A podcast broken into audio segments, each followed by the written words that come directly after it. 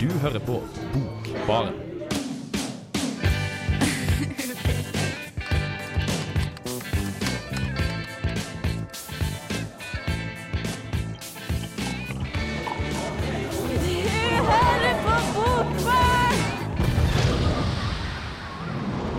Hei og velkommen til Bokbarn. Det er barn der vi leser bøker. Mitt navn er Kristoffer Ervik, og med meg har jeg Hanne Malene og Ingrid.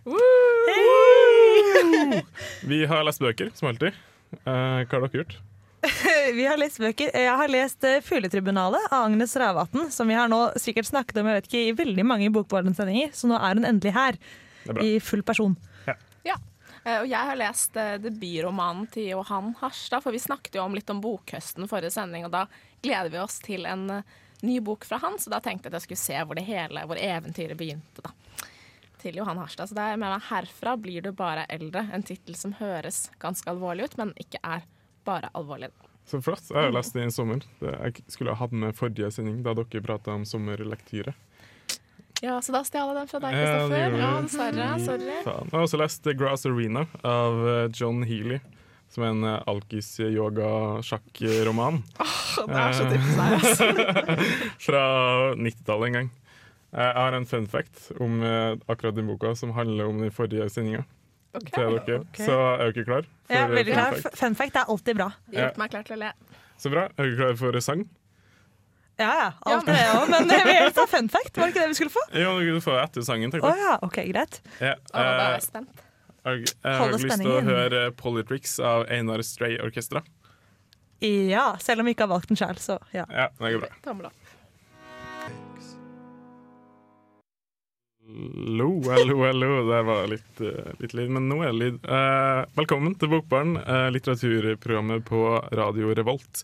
Mitt navn er fortsatt Kristoffer Ervik, og nå skal vi snakke litt om en litteraturfest vi har vært på. Ja, og på søndag så var vi på litterær hagefest i Adrianstua i Ringvebukta. Et Mm. veldig flott sted og en veldig hyggelig fest. En årlig hygge-litteraturfest Ja. som eh, Mathias R. Samuelsen, gamle, gammel bokbarn. Ja, han som, han som bor i Adrianstua. Så um, han arrangerte det, og det var uh, Han leste litt selv også da, for nå har han vel akkurat kommet ut med sin andre bok. Eh, Trønderprosa. Så det var litt spennende å høre på. Men det var jo andre gjester der også, da. Ja. Uh, blant annet Agnes Ravatn, som du har med. Hanne. Ja, så det burde jo jeg hørt på, for Agnes Ravatn var årets hagegjest og ble intervjuet. Og rett før hun skulle bli intervjuet, så vandret jeg inn på litterær hagefest. For så å gå og leke med en toåring istedenfor. Fordi jeg var der med en venn som har en unge, og hun er så utrolig mye morsommere enn alt mulig annet. Så da må jeg faktisk innrømme at jeg ikke fikk med noe av det litterære på litterær hagefest. Men jeg fikk med meg ripsebær og masse skjeller og mye annet fint som man kan se når man er to. Ja. Men du, eh, du var der ikke så lenge heller, da. Men den tiden du var der, så var det mest leking og god stemning med barn. Men det er jo veldig lagt opp til at det, var en sånn barnequiz, og det var folk fra Trøndelag Teater som snakket om en forestilling for barn, og det var jo veldig sånn Ja, det er Barnas for alle. hage. Ja, ja. for alle, ja. Mm. Det er veldig, jeg syns det var litt kjekt. Ja. I fjor så var jeg litt mer faglig, og så var jeg litt mer eh, kos. Barnslig. Ja. Go- go- Godslig. Så Ja. bra. Men uh, Jørgen Brekke var vi kom en halvtime for sent til å se krim-trønderforfatteren. Ja. Jørgen Brekke. Har du lest noe av han, eller? Nei, men han har en sånn uh, liten uh, metallplate på Skydd stasjon til karakteren sin. Han På Odd, skysstasjonen? ja, Oh, ja. Odd Singsaker. Det er et bord som er reservert her. Eh, men det var andre folk der òg. Han eh, Kristin Freitun, hun som uh, intervjua Agnes Ravatn. Ja, nynorskgudinnen, vil jeg nesten si. Altså, hun brenner jo virkelig for nynorsk, eh, den dama der. Jeg var på et sånn Ivar Aasen-foredrag under uka med henne, og hun greier virkelig å være ganske ja, greier å fremstille Ivar Aasen som en sykt kul person, altså. ja, men det tror jeg han var. Ja, må, jeg, altså, han må jo ha hatt litt guts, liksom. Uansett om, ja, bare det at eneste bildet vi har av ham, er liksom da fra han er sånn 70 eller noe, så han ser jo så dritgammel ut. det. hadde hun jo humor på, da, Åh, selvfølgelig. selvfølgelig. Men hun, humor. det var morsomt å høre henne intervjue eh, Agnes Ravatn, selv om intervjuet også handla egentlig mye om henne, da, fordi de har jo en del ting til felles. Begge skriver i Dag og Tid, og det var jo litt sånn misunnelse da at Kristin Fridtun følte kanskje at Agnes Ravatn hadde fått litt mer igjen for det hun gjorde enn seg selv, da. Men, eh, men det var eh, Så hun ble kalt freaktune og litt forskjellig sånn, så det var, eh, var humoristisk, men det var veldig gøy å høre på. Veldig levende samtale. Mm. Mm, Tulle Freidtun. Uh, vi snakka litt om forfatterskapet til Agnes Ravatn. Om måten at hun trodde at du var veldig lat helt i starten av forfatterskapet, for at du bare trodde at du hadde sånn writers block. Men så fant jeg ut at jeg bare ikke gidda å skrive. Hun Ja. var lat, rett og slett. Hun er lat, og det er også derfor hun nå i høst også kommer med en ny bok, eller ja Ting som er, handler da om operasjon sjøldisiplin, som vi har snakket om tidligere her på Bokbaren, og som eh, skal lære deg for å leve et bedre liv ved å bare disiplinere deg selv. Det er jo godt å vite at det kan gå an. Veldig godt å vite. Kult. Da kan du også disiplinere deg til å lage noe dikt, så kan du være med neste år at, eh, på å lese opp dikt. For at i år så hadde de også diktlesning, med blant andre Markus eh, Lanto. Jeg så at eh, Aftenposten hadde sånn debutoppslag av den som har debutert i år. Her, Ja. Han var en av dem. Ah. Han er opprinnelig svensk, så jeg tror han er en sånn multikunstner. Så han mm. fotograf og kunstner og skriver dikt. Skriver. Men det var en annen gjest der også som bidro med go god stemning, som vi er veldig glad i her i Bokbarn. Var det ikke det, Kristoffer? Er jo hun som redda dagen. Hun som redda dagen. Mitt livs stolteste øyeblikk. Og du fikk tatt bilde med kanskje rikskjendisen. Ja. Jeg har aldri tatt bilde med en kjendis før, så det var jo det er ikke noe som kan måle seg med det. Altså. Det er så kjendis at vi ikke tør å si navnet på. Nei, jeg vet ikke. Men, kanskje, men vi skal jo høre litt på henne snakke etterpå. Er veldig distinkt. Du, du vet jo Når du hører oss, vet du hvem det er. Eller? Ja, det er en gjengod, gjenkjennelig radiostemme, kan man vel si. Jeg skulle gjerne hatt den i øret ditt hele tiden. Mm. Ja, Skal vi bare høre på henne, da? Ja. Yes, supert. Eh, Bokbarns favorittforfatter, eh, babyen fra Trondheim. Vær så god. Fremdeles Geir Gulliksen, du? Ja. som ja. Landets beste redaktør. Ja. si, fortell det, fordi at uh, Gulliksen er jo redaktøren også til Knausgård, eksempel. eh, og til en rekke av veldig store og dyktige norske forfattere. Så han har jo Han har et ganske sånn bredt spenn, da. Ja, han er, han evner evne å se det prosjektet som forfatteren Mm. Han lar alle sine egne preferanser eller Han er jo forfatter sjøl også. Og det er det mange forfattere som ikke liker at redaktøren deres er, da. Eh, men jeg syns det er en kjempefordel. Eh, han driver ikke og maser mens jeg skriver, f.eks. For det er jo døden. Da blir jeg jo lam fra håndleddene og ned hvis det kommer en SMS om at eh, hos går det, går det bra, eller ja, da er jeg ferdig med arbeid den dagen. Eh, så han skylder jo alt det der, sant. Sånn at han, eh, han, han stryker med silkehansker når det er viktig, og så bruker han slegge når det skal til. Mm. Og, og det er bare gull verdt, altså. Men han er en fantastisk god leser. Og det han først og fremst er flink til, det er å stryke. Ja. Og stryke. Og eh, jeg har lært meg eh, hva han kommer til å stryke òg, så han har lært meg så mye òg, da. Så eh, av og til så skriver jeg en setning, og så skriver jeg parentes. Ja, da bare stryk den. Men jeg må bare liksom ha med, da. jeg har så lyst til å skrive den, da. Men eh, Nei, Den her boka her er jo, eh, er jo Jeg får inntrykk av at den er veldig, den er veldig personlig. Ja. Derfor har du Altså Når du da For eh, tidligere i fatterskapet ditt så har det jo på en måte vært eh, narrativer utafor deg selv Ja. hele veien. Hvordan føler du at det har blitt tatt imot det der når du har liksom Ja, det har, jeg har aldri fått så mye eh, tilbakemeldinger. Nå har boka vært i handelen bare ei uke. Jeg har aldri fått eh, så mye tilbakemeldinger så fort. Det er på mail, og det er fysisk brev i posten og kort og alt mulig. Skjønner ikke på at de har rukket det, men eh, Adresseavisa skrev jo at eh, den var, kun, var ikke noe særlig for utenforstående. Eh, da må jeg nesten, nesten flire meg i hjel, altså. Så, eh, for jeg har, jeg har ikke møtt noen som har Jeg har ikke hatt en bok som har truffet så bredt og så mange. da. Så fort. Og høsten er jo bare så vidt i gang. da.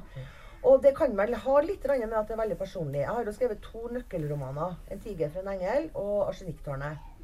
Som er ø, bygd på masse ting i min egen familie. Jeg er jo så heldig at jeg har en ganske crazy familie. Det er alltid en fordel når man er forfatter. Så jeg kan øse av alt mulig crazy ting.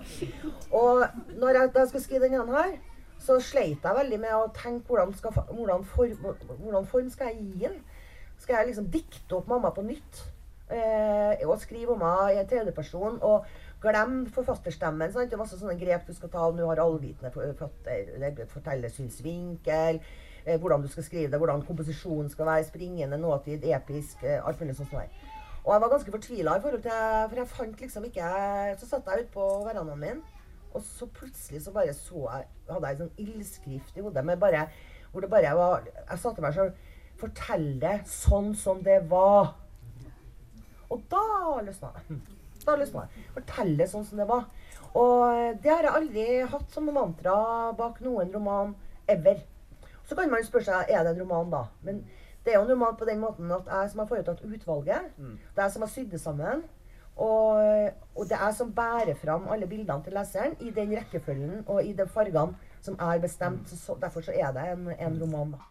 Og så er det mye sånne tilfeldigheter som skjer. Eh, sånne rare tilfeldigheter. Jeg er nok veldig var på dem og, og på vakt alltid etter det. sånn pussigheter. Og mye sånne ting som skjedde som jeg heller ikke kunne ha tatt med. Blant annet var det en helikoptertur i Dubai hvor mamma ville over eh, verdens høyeste bygning. Enn så lenge, tror jeg. Eh, nede Bur Khalifa. Og, um, og hun ville helt over, helt over spissen, da. Og, da når vi, og det, det er jo gjengitt i boka, alt det der samtalen med piloten var jo bare et eventyr, altså. Men da når vi vippa over toppen, og, og piloten la helikopteret ned på sida, så kom det faktisk en kjempesvær flokk med rosa flamingoer flygende under oss. Og, og da sa jeg til han der Ingen som noensinne kommer til å tro. Eh, sånn helt som Karen Blixen og Afrika, altså. Midt Dubai, over Dubai. Og da sa mamma bare Nei, dette må nok bli mellom oss og piloten, Anne. Eh, og hadde jeg lagt inn det der i en, den romanen her, så ville jeg sikkert eh, anmeldere sagt at ja, nå prøver jeg liksom å lage noen sånne konnotasjoner til Out of Africa og ha-ha-ha. Det hadde ikke gått an, altså.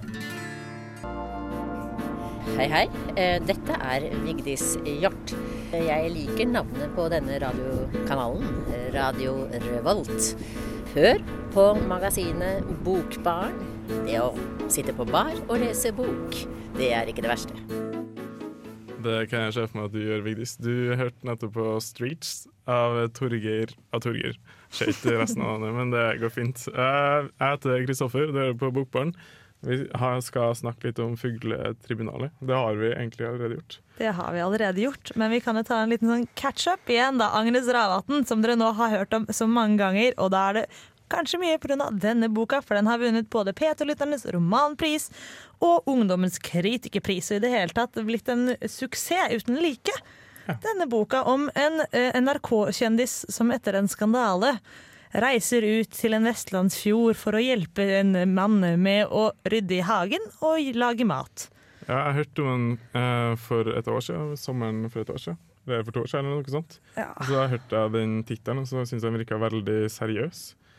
Eh, Ja, altså det er jo en bok som handler mye om synd og skam og skyld, og hvordan skal man komme seg videre i livet. ikke sant? Vi starter på en ny frisk, dette har vi snakket om mange ganger i Bokbarn. Kanskje det er veldig sånn temaer som kommer igjen og igjen i bøker. Hvordan bli en annen enn den man er? Går dette egentlig an? Uh, så sånn sett så er det jo ganske seriøst. Og han der fyren hun eh, som NRK-tjenesten kommer og skal jobbe for, han er jo en utrolig ordknapp og litt sånn kjip fyr. Uh, jeg snakket om han, så sa egentlig er han, hvor gammel er han? Så han er noen og 40, men han høres ut som han er 70, og det er på en måte litt sånn han oppfører seg også. Eh, Men i tillegg til å være litt sånn småcreepy han fyren, og at alt er litt alvorlig, så er det jo liksom sånn mye sånn humoristiske småskildringer som man liksom ler litt og koser seg litt. Og det er liksom mye forskjellig da, i én bok, så det er ganske imponerende gjort egentlig at det henger såpass greit sammen som det gjør. ja. egentlig. Men det er noe du likte i boka? her? Om jeg likte boka? Ja? Ja, eh, jeg liker boka fram til slutten. Dette snakker jeg også om i anmeldelsen. Og den slutten er liksom snokkikket liksom på Samlaget sin nettside, og der er det, velger man ut sånn utdrag av forskjellige anmeldelser for å liksom promotere boka, og da er det så sykt mange som trekker fram den vendingen på slutten. Var så sykt bra og interessant og imponerende. Og jeg bare likte det ikke i det hele tatt. Eh, men heldigvis så liker jeg språket, da, så dette er jo en sånn ting jeg som leser mest for språkets skyld, syns er fantastisk. fordi Ravatn skriver jo veldig veldig fint, og det er masse vakre skildringer av det fysiske arbeidet og det å jobbe i hagen, og hvordan dette er kontra det å være liksom historieperson eh, som jobber i et program på NRK. Um, og av det landskapet rundt og hvor vakkert alt er. Så man føler seg veldig til stede, og nettopp den veldig rare følelsen som er i dette forholdet mellom hun Alice, som hun heter, eh, og Sigurd, som er veldig, veldig rart og veldig intenst hele tiden, fordi han er jo virkelig ikke en hyggelig person. Eh, men så utvikler jo dette forholdet seg så de blir nærere og nærere. Så det er på en måte ja, veldig godt skildret, og dermed også veldig irriterende, for jeg kan virkelig ikke skjønne hvorfor Hulsen skal være så fascinert av han fyren, bare fordi han er liksom mystisk og sier ikke så mye, og så er han veldig vakker. Eh, og det er liksom det han er, og så sier han jo faen meg ingenting. Han virker som den drittsekken, men hun er liksom kjempebetalt. Så ja, men eh, Men eh, Eh, Ingrid sin bok, uh, eller av samme forfatter, den Buzz Aldrin, handler også om en gartner som uh, bare drar vekk, ikke sant? Ja. Det er fordi han er en evig nummer to. Han, eh, han vil liksom bare være en anonym, men viktig person, da, sies det. Mm. Ja. Eh, Det er ikke noe du kan sammenligne med Fugletribunalet. Altså, hun reiser jo bort fordi hun må. Det er fordi hun ikke orker alle folka som stirrer på henne i byen fordi de vet hva hun har gjort. Dette er en sånn stor medieskandale. Eh, men det som ligner litt på Harstad, er at den heter jo Fugletribunalet, denne boka. Og det stammer egentlig bare fra en drøm som han her Sigurd har sånn i i midten et sted. Eh, hvor han kommer ut til liksom, og skal bli dømt av en masse folk med fuglemasker, som er liksom dommerne hans. da. Eh, og da er romanen på et punkt så surrealistisk at det kunne vært Johan Harstad, for han driver jo veldig ofte, føler jeg, med sånn Ting er veldig normalt, veldig normalt, veldig normalt. Para! Her skjedde noe kjemperart. Eh, så det ligner jo kanskje litt. Men ellers så ikke så mye. Det hørtes eh, veldig fint ut. Kanskje vi skal gå et dypdykk enda lenger inn i fugle, Fugletribunalet. Agnes Ravatn. Det høres bra ut. Det meste av posten kunne heldigvis kastes. Inkassokrav som Johs hadde sendt hjem til foreldrene mine, på avisabonnement og annet, fikk det til å knyte seg i meg. Men letten over mengda var såpass håndterlig, var sterkere enn angsten. Hvor forbausende lett det er å forlate, tenkte jeg. Er folk klar over det? Det burde ikke komme ut. I Fugletribunalet av Agnes Ravatn møter vi Alice Hagtorn. Hun er en tidligere NRK-medarbeider som flykter fra byen etter en skandale med kringkastingssjefen. Hun ender opp som gartner og hushjelp for Sigurd Bagge i en gammel trevilla ved Vestlandsfjorden. Bagge bruker all sin tid på arbeidsrommet, mens Alice jobber i hagen og serverer tre måltider om dagen. Bagge spiser først, og Alice etterpå.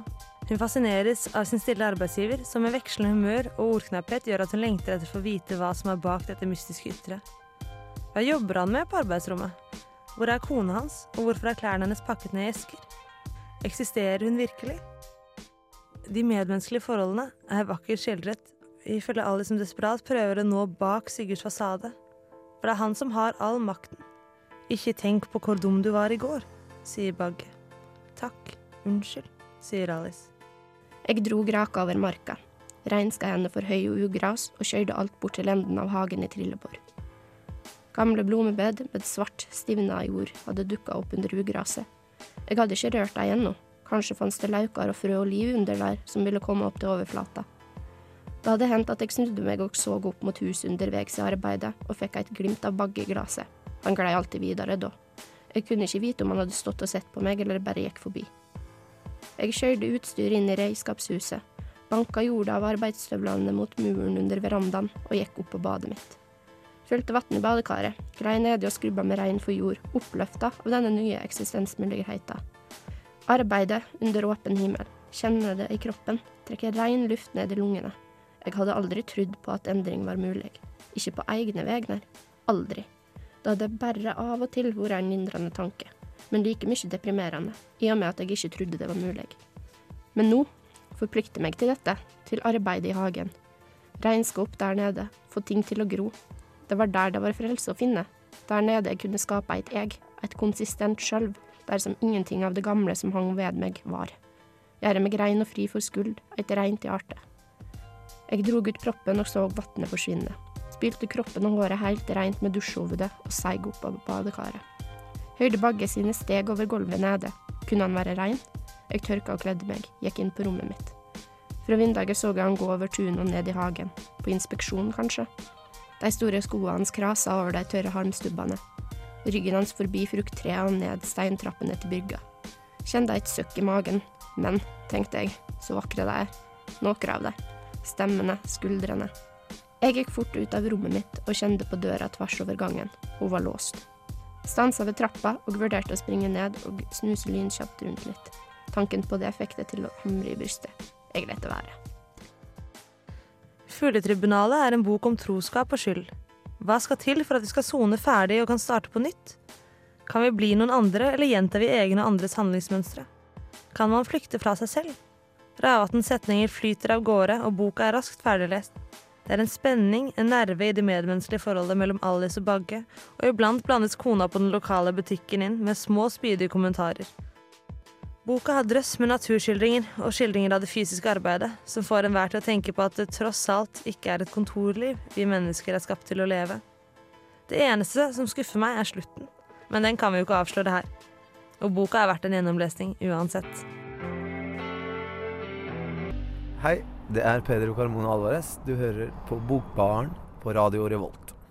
Hallo, det er Kristoffer Ervik og hører på Bokbarn på Radio Revolt. Eh, vi skal snakke om Johan Harstads debutsamling, en kortprosasamling. Ja, vi skal gjøre det, fordi det som var, var at vi egentlig, vi i Bokbarn hadde fått en oppgave, eller fått et oppdrag fra Kulturutvalget på Samfunnet at vi skulle intervjue Johan Harstad i høst, men så ble det dessverre avlyst, og så blir det kanskje til våren, men eh, da kan han i hvert fall få oppmerksomhet her i Eh, studio. En liten teaser, en sånn veldig lang teaser. Ja, et lit, en liten blesting, ja. Mm. Eh, Så hvis det blir liksom historisk, det intervjuet, så Ja. kommer historikere og snakker om den gangen da vi blesta det.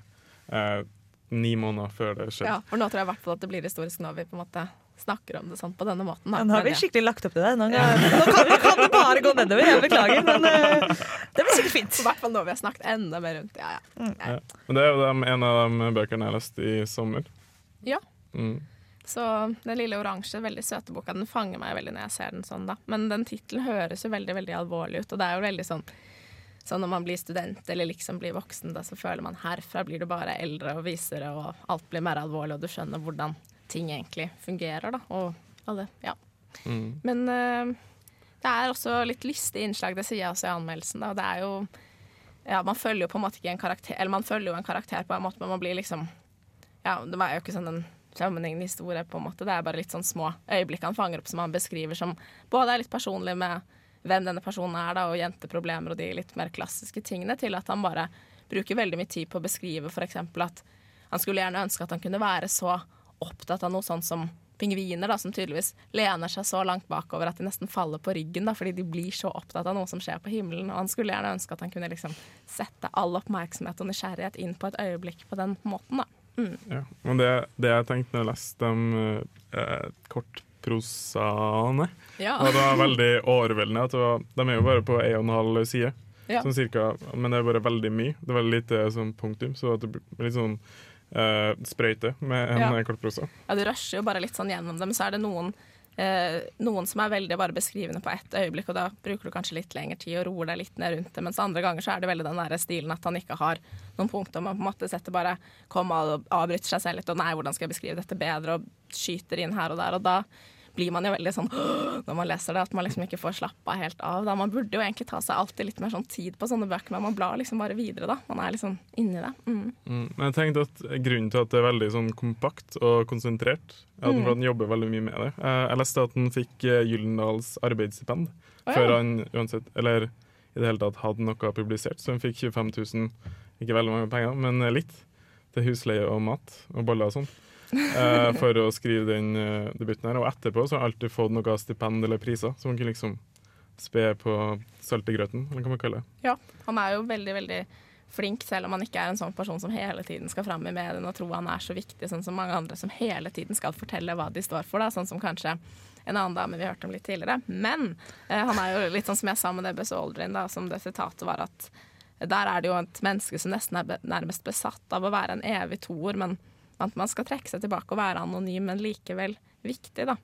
Og jeg føler at han kommer med mange viktige tanker uten at han trenger å være så veldig sånn utapå klistra og 'her er jeg, og dette mener jeg'. på en måte. Han er veldig sånn rolig, men likevel så er det mye spennende som foregår oppi hodet hans, da.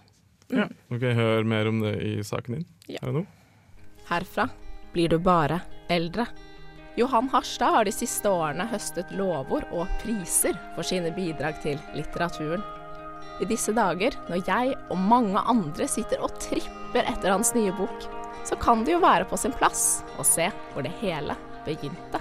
Harstad debuterte i 2001 med prosasamlingen 'Herfra blir du bare eldre', som kanskje antyder noe om at alvorets tid er kommet.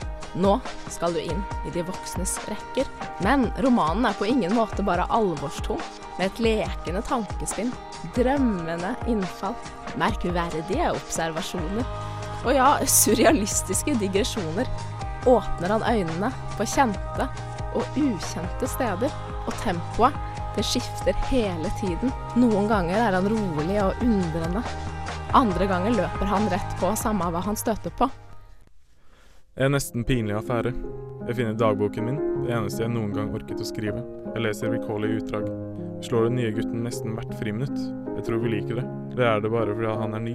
At han kommer fra et sted på Østlandet. Vi banker livskiten ut av ham. Men i timene får han sitte ved siden av de søteste jentene. Av og til med Nina. Så trøster de ham, og så gir vi ham enda mer bank dagen etter. Slår alt vi kan, men han sier aldri noe. Han roper ikke på lærervakten, og han gråter ikke. For han er ingen spjæling. Han er akkurat som oss, men av og til prøver han å slå slag som ikke treffer oss. Men det er bare skuespill. Det er ikke motstand. Så vi banker ham det vi er gode for. Vi bokser ham i magen, slår ham i lamasen, i armer og ben. Vi vrenger armen hans bak på ryggen, binder ham fast i containeren så han ikke får puste. Vi løsner litt, og så lar vi ham henge. Frøken oppdager det først, halvveis ut i timen, at han mangler. Hun må ut og løsne ham, men han sier ingenting. Vi sovner om kveldene, hver for oss på rommene våre. Da vi er sinte, glade for at vi ikke er ham, vi tenker at i morgen skal du få, fy faen, i morgen skal du få, så glemmer du aldri hva vi ga deg. Jeg vet vel egentlig ikke hvorfor, men den metalliske smaken som jeg nesten alltid hadde i munnen den gang, kommer tilbake, som når du slikket på rekkverket ved fotballbanen. Først etter at filmen på TV er slutt, og jeg er på vei til sengs, vager jeg å huske det, hvor den ble vant med smaken av blod. Det mistet en tann på grunn av dem. Det fortsatte å henge meg i containeren. og som vinteren, at de ventet på meg ved den gamle fabrikken. Hvorfor jeg aldri sa noe, hvorfor jeg til slutt også måtte ljuge. For meg selv, innerst inne. Harstad påpeker at det er ikke årene som elder oss, men snarere at noen vi husker ble født, plutselig gjør aktiviteter vi trodde var våre. Han dveler ved hvor vanskelig det er å leve seg inn i andres skjebner, hvordan vi til stadighet tyr til museumsempati. Fram til den dagen hvor vi er i samme båt. At veien til rus og et liv på gata er mye kortere enn du tror. At verden er helt jævlig noen ganger. Kan du kjenne deg igjen i dem som oser av leksikal viten, men som aldri trekker linjer til sitt eget liv? Hvor ærlig er egentlig du med deg selv? For å være litt kul og moderne, så kan man vel si at Harstad på Snapchat scorer høyt på screenshot-statistikken. Han skaper og skriver originale øyeblikk. Han er morsom og merkelig, men aller mest klok og forsiktig. Eh, Ja, jeg heter Dag Solstad, og dere hører nå på Bokbaren, og der er altså jeg. Ja, bra, Solstad. Eh, Det er Bokbaren på Radio Volt, og jeg heter Kristoffer. Og helt i starten av sendinga så teasa jeg jo en liten fun fact. Eh, fordi det er litt sånn julaften. på seg lenge, altså. Shit, vi blir veldig lett eh, underholdt i Bokfaren. Ja, men- Vi er veldig gode på, også på å tease på ting som skjer jævlig langt fram i tid. Så at Harstad kommer kanskje til våren, funfacten kommer om en halvtime. Ja, det er bra. Men uh, den dere hadde i forrige sending om Milan Kundera du ja, om, Milan Kundera. Mm. Udødeligheten, Ja. ikke sant? Ja. Men også den mest populære boka han skrev.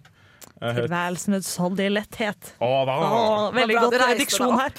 Ja, lettheten eh, er i studio. Um, uh, men det er også laga en film om den uh, boka. Ja, har du det, sett den? Nei, men jeg vet hvem som spiller hovedrollen. Okay. Det er Daniel Day-Lewis, som spiller også i There Will Be Blood, som handler om olje og masse stæsj. Men Daniel Day-Lewis har eh, skrevet introduksjonen til min bok. Fun fact. Det var helt syke koblinger. Wow! Ja, her er noe å imponere med på neste fest, altså. Ja. Hvis dere klarer å huske alt dette. Oh, yes. Jeg kan også balansere en eh, skje på nesa mi. Kristoffer er bra i festlig lag, altså. Det Ja, det. godt å ha deg. Mm. Jeg, sprang, jeg drakk også en flaske whisky og sprang naken rundt et eh, hus i sommer. Så Og det be huset meg på fest, på- vær så snill. på Eh, Saltkråkan? I Saltkråkan. Mm. Saltkråkan. Mm. Shit, vi begynner å prate om Ja, eh, bok, boka. bok, bok, I eh, Yes. den introduksjonen så snakker Daniel Day-Lewis om uh, Han sammenligner med Sult. Knut Hamsuns Sult. Så det er en, veldig, en bok som er veldig langt ned. Det handler om såkalte winos, eller winos, som sitter i en park. Du har kanskje sett dem i Trondheim. I forskjellige parker sent på kvelden. Som gaule og lager bare rabalder. Men det handler om dem som er veldig langt ned. Det starter med at han er en liten gutt i Irland, og så eh, blir han banka av faren sin, som er en alkoholiker. Så får han sånn liten sånn knute bak i nakken som han liksom ikke får bort, helt til han blir til en ehm, ungdom. Så finner han øl og alkohol, og så går han bort den eh, knuten mens han drikker den. Så det er en veldig sånn trist eh, liten eh, bok, men eh, den blir bedre og bedre og bedre. Det er en liten sånn solskinnshistorie. Jeg snakker om det i saken min. Mm. Men gikk det ikke dårlig inn til slutt? Jeg trodde du sa det at, det- at det er en bok om som går til helvete, så blir det bedre, så går det dårlig inn. Jeg vet ikke, Det er en sånn ambivalent, eh, am ambivalent eh, paff på slutten. Så Ah. det blir litt bra, og så blir det litt eh, trist. Jeg liker det. Jeg syns det mm, er veldig fint. For det er veldig sånn platt eh, prosa. Det er ikke noe sånn eh, veldig rikt språk, men det ligger veldig mye sånn historie i Ja. de, de små settingene. Ja, for det er nettopp det, altså, Du snakket om det at eh, historien er det som liksom blir dratt fram. Da. Dette er et etterord, eller var det i forordet? Ja. Eh, hvor nettopp det at dette er så jævlig. Dette er en utrolig fæl historie, og han drikker, og dette går til helvete. Så derfor så er dette kjempebra litteratur. Ja. Og det var ikke du helt enig i? Nei, for at han redaktøren som skrev det etter, han sammenligner med min venn eh, litterære gudfar Charles Bukowski og William Barrows. Og han sammenligner Eller sier at hvis det her er en roman, så er George Orwells eh, 'Down and Out in London and Paris' en turistguide uh, i forhold. Så, men jeg mener at det ikke er god litteratur bare for at det er veldig hardt. Uh, jeg syns at Bukowski og resten er bedre, men jeg har inntrykk av at det også er veldig morsomt, og at det er god fortellermåte. Mm. Men tror du det er sånn at det er noe vi synes mer og mer i dag også? At det er sånn å, disse dramatiske historiene, at vi er veldig fascinert på det? Eller tror du det har vært sånn jevnt over? At det, det er bare sånn fordi det er liksom noe helt annet, så syns vi det er veldig interessant? Jeg synes det er veldig interessant. Det er en grunn til at jeg valgte den. Den sto på sånn utstilling til, på biblioteket. Da Mm. valgte jeg den bare fordi det var mye action og stas. Ja, så Du synes egentlig det er litt kult, du bare synes ikke det er kult at det skal være sjangertrekket for god litteratur? Ja, Enn du? Nei, jeg eh, synes jo virkelig ikke at det at du har det jævlig skal liksom gjøre at du skal skrive en bok. Fordi det, som jeg har snakket om, så da er jo sorgenfri fantastisk litteratur. Eller alt som bare går galt. Og jeg synes ikke nødvendigvis det er det kuleste å lese om. Jeg, og jeg liker jo språket. Hei og hå. Så hvis det går galt med et godt språk, så er alt greit. Hvis det går godt med et godt språk, så er alt greit. Men kanskje ikke bare språk. Jeg har en del, og det prater jeg om i saken min, som du får høre nå.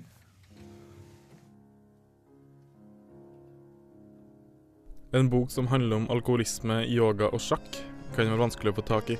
Men hvis du leter på Trondheim folkebibliotek, i hylla med engelskspråklige selvbiografier, med posisjon 820J, kan du finne det du leter etter. The Grass Arena handler om akkurat det her. John Healy forteller om en liten gutt med en alkoholisert far som slår han langt inn i ungdomsårene. Der han deretter tar etter farens drikkevaner. Dette blir et problem for han, både med jobb og kvinner. Mye fram og tilbake ender han til slutt opp i militæret. Der får han en boks, og han gjør det bra. Men som vanlig kommer alkoholen i veien, så han bestemmer seg for å stikke av til Irland, der han har familie. Han får jobb som ryddegutt på en gård, helt til politiet finner ut hvor han er. Da må han i kasjotten for en liten stund. Den eneste plassen han finner seg til rette i etterpå, er parken. Eller The Grass Arena, som John Healy så fint kaller det. It was a cold day, empty of laughter, empty of spirits, empty of everything. I asked the bloke if he could help me out with a couple of bob.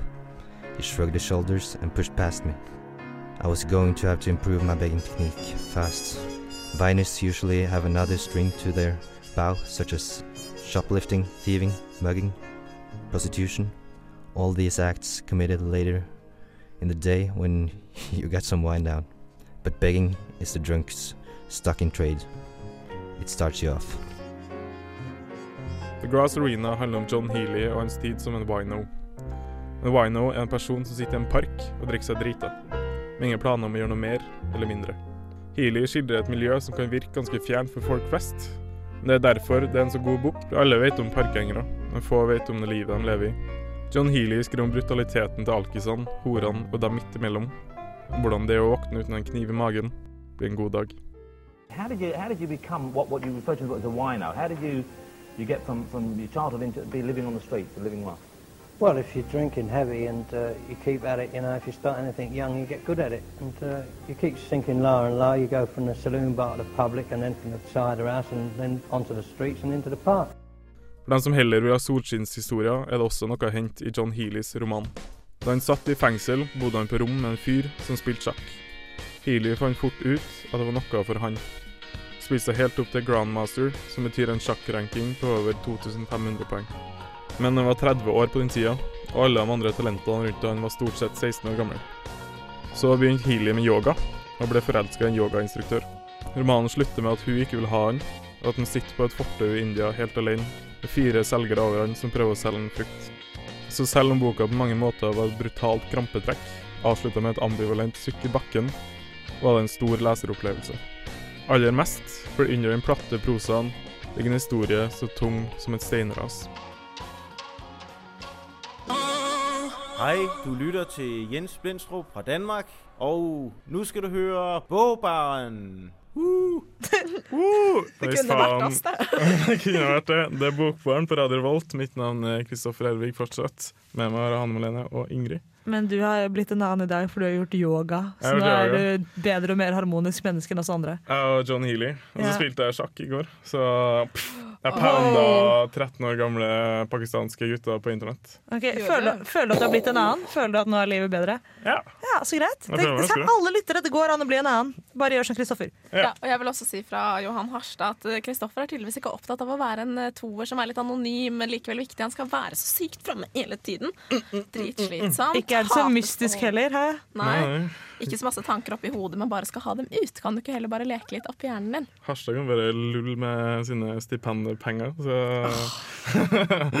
det går fint. Men Ja. eh, hva har dere gjort i dag, da? Har dere lest noe Nei, dere har snakka om noen bøker. Vi har snakket om noen bøker. Vi har snakket, jeg har snakket om 'Fugletribunalet' av Agnes Reivatn. Den er uh, veldig fint skrevet, men jeg liker ikke slutten. Yes. Ja, og jeg har skrevet om eh, herf... Nei, jeg har lest den. jo, jeg- har lest og skrevet og anmeldt 'Herfra blir du bare eldre' av Johan Harstad.